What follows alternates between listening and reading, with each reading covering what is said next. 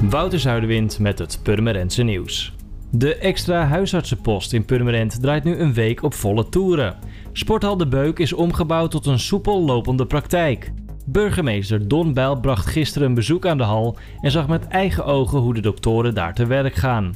De rondleiding werd verzorgd door huisarts Joost Zaat en directeur huisartsenzorg Erik Schoof. Laatstgenoemde is voorzichtig positief over de ontwikkelingen die hij ziet, zegt voorbereid te zijn op de volgende fase en dat alles onder controle is. Er is wel reden tot andere zorgen, zo concludeerden de artsen en de burgemeester na afloop van het bezoek.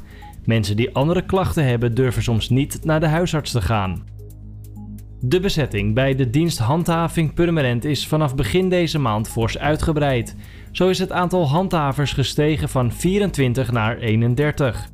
In de uitbreiding is voorzien om toezicht te kunnen houden bij nieuwe parkeergebieden, zoals bijvoorbeeld in de Kop van West.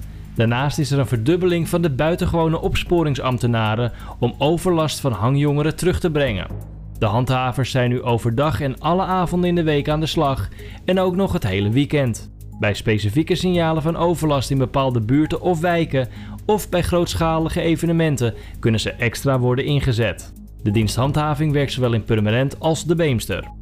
En medewerkers van diezelfde handhaving hebben woensdagavond in Purmerend enkele jongeren bekeurd.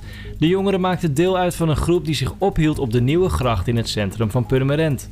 Volgens de handhavers hielden de jongeren onvoldoende afstand van elkaar, terwijl dat verplicht is in het kader van de coronamaatregelen. Omdat meerdere van hen al een geregistreerde waarschuwing op zak hadden voor dezelfde overtreding, kregen ze een boete.